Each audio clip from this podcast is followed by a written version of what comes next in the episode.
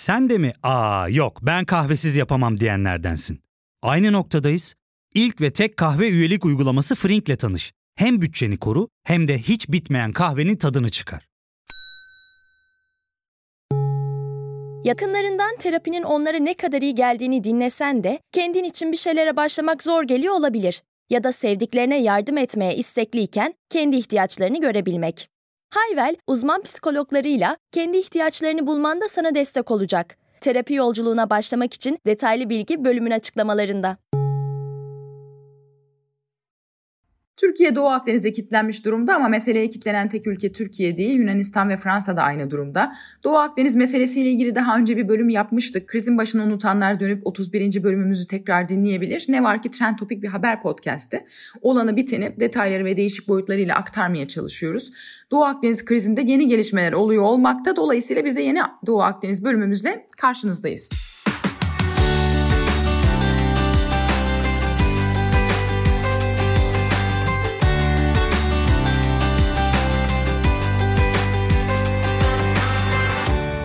Savunma Bakanı Hulusi Akar tansiyonun düşmesi için bazılarının sadece susması yeter diye bir açıklama yaptı. Akar açıklamasında elbette Doğu Akdeniz krizini kastediyor. Akar'ın susun diye çıkıştığı taraf Yunan ve Fransız tarafı ama Türkiye'nin de pek sessiz durduğu söylenemez. Şimdi biraz arka plan verelim. 2010 senesinde Güney Kıbrıs Rum kesimi, İsrail, Yunanistan ve Mısır Doğu Akdeniz'de gaz çalışmalarına başladılar. Çünkü öncesinde Güney Kıbrıs Rum kesimi bu ülkelerle bir münhasır ekonomik bölge anlaşması imzalamıştı. Türkiye'de 2011 senesinde Kuzey Kıbrıs Türk Cumhuriyeti ile bir münhasır ekonomik bölge anlaşması imzaladı.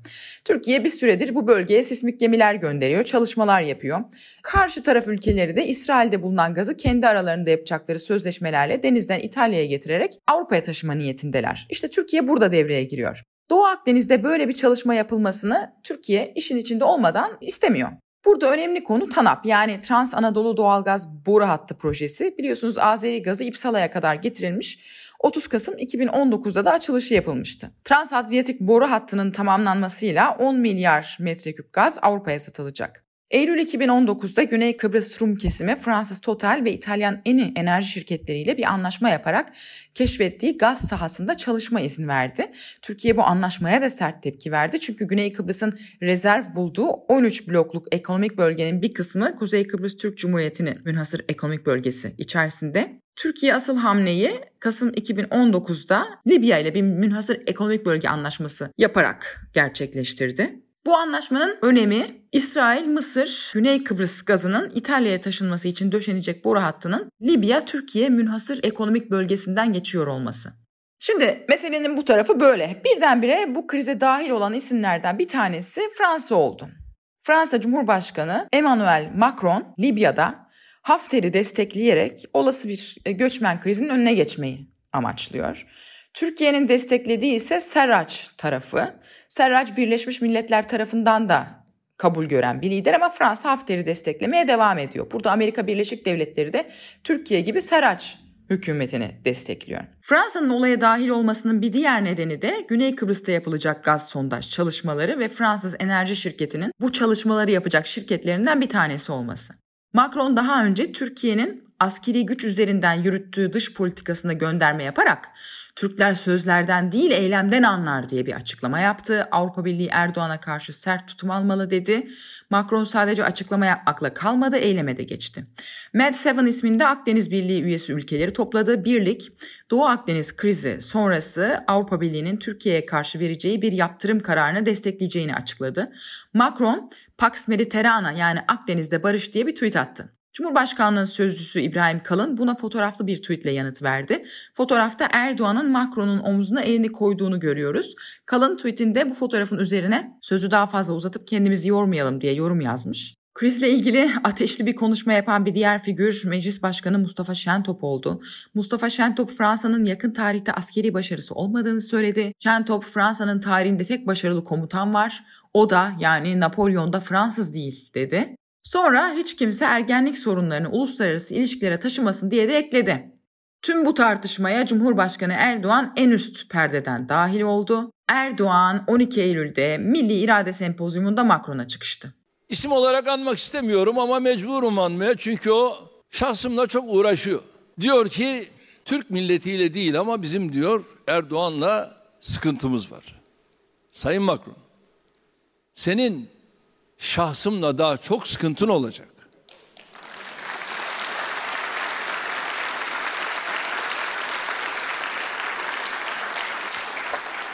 Defalarca bunu zaten sana söyledim. Ama dinlemiyorsun. Bak senin tarih bilgin de yok dedim. Sen Fransa'nın tarihini de bilmiyorsun. Önce Türk milletiyle uğraşma. Türkiye ile uğraşma. Afrika'nın tarihi adeta Fransa'nın tarihidir. Cezayir'de bir milyon insanı öldüren sizsiniz. Ruanda'da 800 bin insanı öldüren sizsiniz. Siz bize insanlık dersi veremezsiniz. Önce bunu öğren. Ve bunu ben bizzat kendisine söyledim. Bak dedim senin tarih bilgin yok. Önce bunları öğrenmen lazım. Biz ise bu Afrika'da bir insanın burnunu kanatmadık. Şimdi tabii bütün Avrupa Türkiye'ye birlik olmuş karşı mı Macron Med7 birliğini topladı dedik. Fakat tabii olayın başka bir tarafı var. Bu Med7 toplantısı yapıldı. Bu ülkeler bu toplantıya katıldılar ama toplantıdan hemen sonra mesela Türkiye'yi arayan, Türkiye ile temasa geçen ülkeler oldu. Bunlardan bir tanesi Malta. Malta Dışişleri Bakanı, Türk Dışişleri Bakanı Mevlüt Çavuşoğlu'nu Antalya'da ziyaret etti. İspanya Dışişleri Bakanı Erdoğan'ı aradı ve hemen konuyla ilgili Erdoğan'la bir görüşme yaptı. Yani bu ülkeler İspanya, Malta gibi ülkeler aslında hani bu krizde biz biraz daha Türkiye'nin yanındayız diye bir mesaj veriyor. Peki açıklamalar böyle, olan biten böyle. Bir gazeteci Ali Kayalar Yetkin Report'a bu krizle ilgili bir yazı yazmış, krizi çerçevelemiş.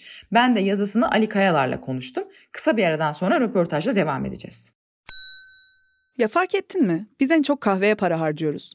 Yok abi, bundan sonra günde bir. Aa, sen Frink kullanmıyor musun? Nasıl yani? Yani kahvenden kısmına gerek yok. Frink'e üye olursan aylık sadece 1200 TL'ye istediğin çeşit kahveyi istediğin kadar içebilirsin. Günlük 40 TL'ye sınırsız kahve mi yani? Çok iyiymiş. Aynen. Hatta şu anda 200 TL'lik bir indirim kodu da var. E hadi hemen indirip üye ol da bu fırsatı kaçırma. Terapiye başlamak, içinden çıkamadığın döngüleri kırmak, bazı yanlış bulduğun kararlarını değiştirmek ve kendinle beraber daha huzurlu bir yaşam inşa etmek için atabileceğin en değerli adımlardan biri.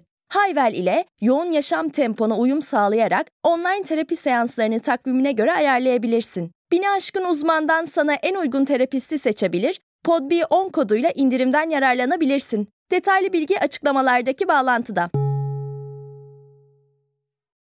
Ali Kayalar, Yetkin Report'a geçtiğimiz gün bu Doğu Akdeniz'deki krizi çok güzel e, analiz eden, olanı biteni anlatan bir yazı yazdınız. O yazı üzerine bu meseleyi özellikle sizinle konuşmak istedim. İsterseniz önce bir çerçeveyi çizelim. Yani ne oldu da kriz çıktı? Yani biz şimdi neyin krizinin içindeyiz? Yani aslında belki başlangıç tarihi olarak 2019'da Kasım'da bizim dışişlerin Libya ile yaptığı anlaşmalarla başlamak lazım. Fransa'nın buraya kadar gelen rahatsızlığı Yunanistan'ın da bu kadar birlikte hareket ediyor olmasının sebebini belki biraz oradan arayarak başlatmakta yarar var diye düşünüyorum. Çünkü sonuçta bu proaktif bir hamleydi. Dışişlerin hamlesi Libya anlaşması. Çünkü Libya Avrupa Birliği içerisinde de çatlaklara sebep olabilecek bir konu. Bir tarafta BM'nin onayladığı, meşru gördüğü başbakanı seçilmiş bir hükümet var fakat ee, örneğin Fransa buna karşı uzun zamandır hamleler yapıyor. Tabii Libya Anlaşması Yunanistan'ı doğrudan ilgilendirdi. Coğrafi olarak gözünüzün önüne getirdiğiniz zaman Yunanistan daha oradan egemenlik alanları ile ilgili tartışmaları başlattı. Denizdeki egemenlik alanları ile ilgili tartışmaları başlattı. Hiç kimsenin birbirine taviz vermediği bir hamleler zinciriyle bugün işte Akdeniz'in bir tatbikat denizine dönüştüğü ortama geldik. Türkiye'nin burada yaptığı gayrimeşru bir hamle yoktu. Fakat buna yine Libya üzerinde, Akdeniz üzerinde genel olarak buradaki egemenlik sahaları üzerinde çıkar sahibi olan bütün büyük ülkelerin müdahale etmesi beklenemezdi zaten. Bu doğal bir dış politik oyununu başlatmış oldu böylelikle. Bu yaz tabii ki bundan çok daha sıcak geçti. İşte Yunanistan'ın iddiaları karşısında bizim Ankara'nın belirli bir pozisyonu var. Yani bunu kabul edilemez buluyorlar ve e, zaten haritaya baktığınızda ne akla ne uluslararası hukuka uygun bir iddia değil bu. Önemli olan sadece Türkiye'nin bütün bunlar olup bitiyorken nerelerden destek alacağı, nerelerden güç alacağı, stepstone yani basacağı yerlerin neleri olduğu ve bunların ne kadar güçlü olduğu. Ee, Şimdi burada herkesin kendi teorisi var değil mi yani? Türkiye'nin evet. kendi teorisi var. Ee, evet. Yani bu işte münhasır ekonomik bölgeyle ilgili. Bununla ilgili işte diğer ülkelerin Güney Kıbrıs'ın kendine göre bir teorisi var. Bu işin bir kısmı. Bir de Ege'de Yunanistan'ın savunduğu bir pozisyon var. Türkiye'nin savunduğu bir pozisyon var. Yani burada iç içe geçmiş iki kriz görüyoruz aslında. Bir Doğu Akdeniz, münhasır ekonomik bölge. Bir de Ege'nin paylaşımı. Şimdi bu krizin ikisi beraber tek bir kriz olarak karşımıza çıkıyor anlaşılan krize bir şey daha ekleyebiliriz aslında. Artık böyle sonsuza kadar sürecek gibi görünen Kıbrıs'ın kendi işte barış ve çözüm görüşmeleri krizi de buna doğal olarak dahil olmuş oluyor bu tartışmanın içerisinde. O da bir taraftan devam ederken hani üç boyutu var diyebiliriz. Bunu eklemek isterim sadece. Hani Türkiye'nin burada destek alacağı yerler derken kastettiğim buydu. Yani sizin bahsettiğiniz yazıda da hani dikkat çekmeye çalıştığım nokta buydu. Birdenbire bunu akut bir durum olarak gördüğümüzde kim haklı kim haksız diye baktığımızda işte uluslararası mahkemelere gittiğimizde ya da diplomatik görüşmelerle işi gerek ABD olsun gerek NATO'da olsun çözmeye kalktığımızda çok steril bir bakışla Türkiye'nin pozisyonunun en azından Yunanistan'ın pozisyonundan çok daha ileri olduğunu, Fransa'nın da gerçekten hani literatürdeki doğru adıyla söyleyecek olursak müdahaleci davrandığını söyleyebiliriz. Fakat maalesef mesele bununla kalmıyor. Yani özellikle geçtiğimiz 10-13 yıldır Türkiye'nin dış politika hamlelerine buradaki hani dış politikada da elbette ki dostlar düşmanlar olmaz çıkar ilişkileri olur ama ülkelerin hani bu çıkar ilişkilerinde ne kadar yıprattığına bakacak olursak belki başka bir dış politika stratejisiyle diyeyim. Bugün Türkiye etrafında çok daha fazla sayıda Avrupa Birliği üyesi ülkeyi yanında bulabilirdi diye düşünüyorum. Şöyle bir e, şey yapacak olursak şimdi kim kimin yanında yer alıyor Ali Bey? Pozisyonları anlatacak olursak e, Fransa'nın burada yanına Avrupa Birliği'nin güçlü büyük majör ülkelerinden hiçbirini almadığını görüyoruz bu hamlelerin içerisinde. Tabii en başta Almanya'yı söylemek gerekiyor. Hı hı. Mesela Almanya'nın bu konudaki tek belirgin tavrı Yunanistan'la Türkiye arasında bir arabuluculuk yapmak talebi oldu. Almanya biraz daha tarafsız kalmaya çalışıyor anlaşılan. Yani bir açıklama gelmişti Almanya'dan yani Yunanistan'ın yanındayız diye ama galiba Yunanistan'ın AB üyesi olmasına binaen yapılmış tabii, bir açıklama tabii. olarak anlaşılıyor. Ee, yani bu mülteci kriziyle beraber daha belirginleşen bir şey var ki Almanya konuştuğu zaman biz bunu genellikle Avrupa Birliği konuştuğu gibi algılayabiliriz. İşte Avrupa Komisyonu Başkanı'ndan bağımsız bir konu, konseyin başkanından bağımsız bir konu. Almanya bu mülteci kriziyle beraber Avrupa Birliği'nin motor gücü olduğunu ispatladı zaten. Hı Böyle bir krizde Avrupa Birliği'nin zamanında ekonomik krizden çıkarttığı, işte Türkiye ile yaşadığı başka sorunlarda hep yanında aldığı Yunanistan'ın yanında Fransa'yı görüyoruz ama Almanya'yı görmüyor olmamız aslında kendi başına bize bir şey anlatıyor. AB içinde Almanya'nın Fransa'nın bu hamlelerini çok da birebir onaylamadığını, desteklemediğini gösteriyor bize. Çok açık bir tavır almaması aksine hem NATO hem AB üyesi bir ülke olarak arabuluculuk teklif etmesiyle. Fransa'nın burada şöyle bir Libya sıkıntısı var. Bence orası çok önemli. Hani çatlaklardan bir tanesi burası. Çünkü Atlantik Konsul'da geçen en güncel gördüğüm yazı oydu bununla ilgili. Hala Avrupa Birliği Fransa'nın Libya tavrından emin değil. Hani oranın bir savaş alanına, bir yeni Suriye'ye dönüşmemesi AB'nin birçok politikası, göçmen politikası, ekonomi politikası açısından önemli. Fakat Fransa hala oradaki meşru BM hükümetini değil Hafter tarafını desteklemekle suçlanıyor. Bunu zaten krizin başlangıcında açıktan yapardı. Bugün hala Fransa'ya dair böyle şikayetler var. Hı hı. Dolayısıyla hani kim hangi tarafta diye konuştuğumuz zaman Club Med dediğimiz bu Med 7, Med 7 Med 7, evet. Mediterranean 7 diye bir şey toplandı. Evet, Med, Med 7 diye anılıyor. İşte Club Med diye de makarasına Hı. kullandıkları bir tabir var. Şimdi bunun içerisindeki ülkelere baktığınızda Doğu Akdeniz politikasında etkili olabilecek sadece şey var. Fransa'nın kendisi var. Portekiz'in bunun mesela üyelerinden Akdeniz'in sahili dahi yok. Evet. E, sınırı dahi yok.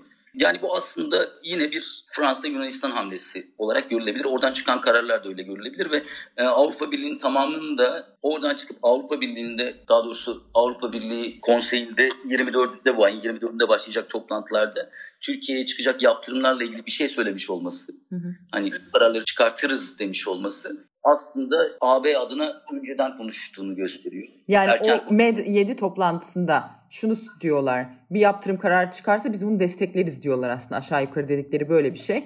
Ama evet, bu evet. AB'den bir yaptırım kararı çıkacak Türkiye'ye demek olmuyor aslında. Herhalde o ayrımı koymak gerekiyor. E, e, tabii çünkü Avrupa Birliği içerisinde de Türkiye'ye dönem dönem karşımıza gelen bu yaptırım politikalarının her zaman da bekledikleri sonuçları vermediğinin bir ön bilgisi var. Böyle bir öğrenilmişlik var orada daha çok Türkiye'yi biraz daha uzağa atmaya yarayan hamleler oldu bugüne kadar. Buradaki bir görüş birliğinden hmm. söz etmek mümkün değil. Türkiye'ye yaptırım uygularsak istediğimizi alırız.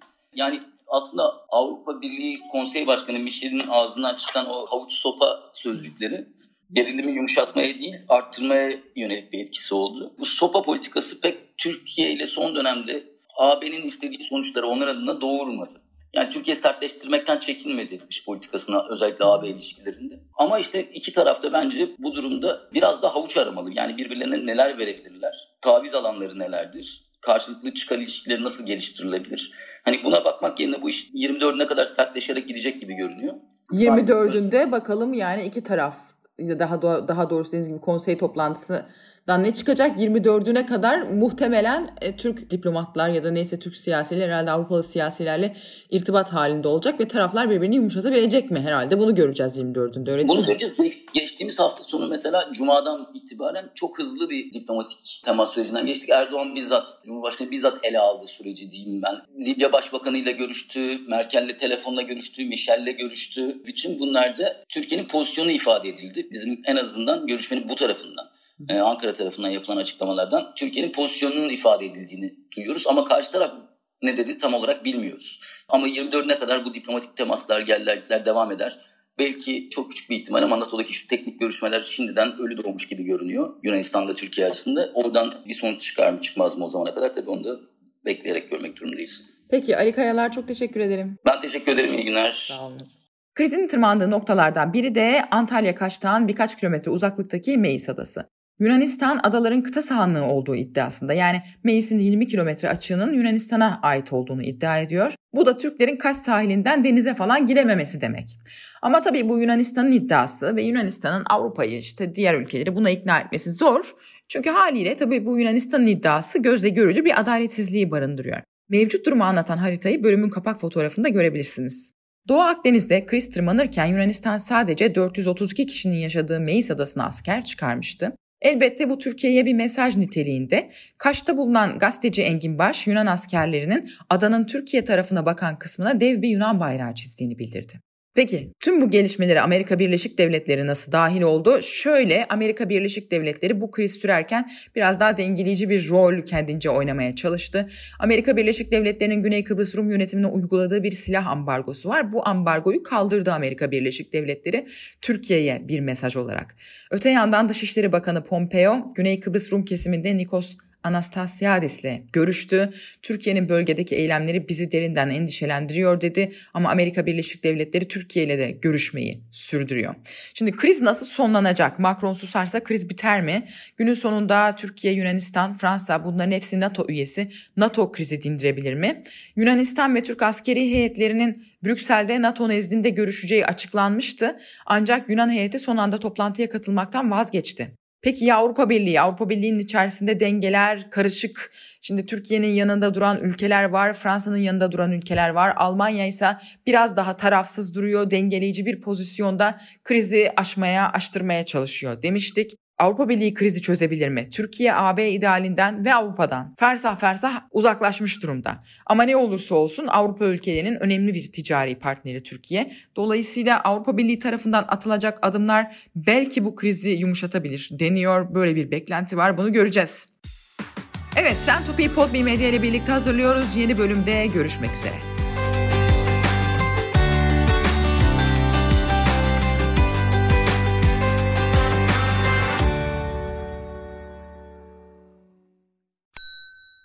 İlk ve tek kahve üyelik uygulaması Frink, 46 ildeki 500'den fazla noktada seni bekliyor. Açıklamadaki kodu girerek sana özel 200 TL'lik indirimden faydalanmayı unutma. Hadi sen de Frink üyeliğini başlat, kahven hiç bitmesin.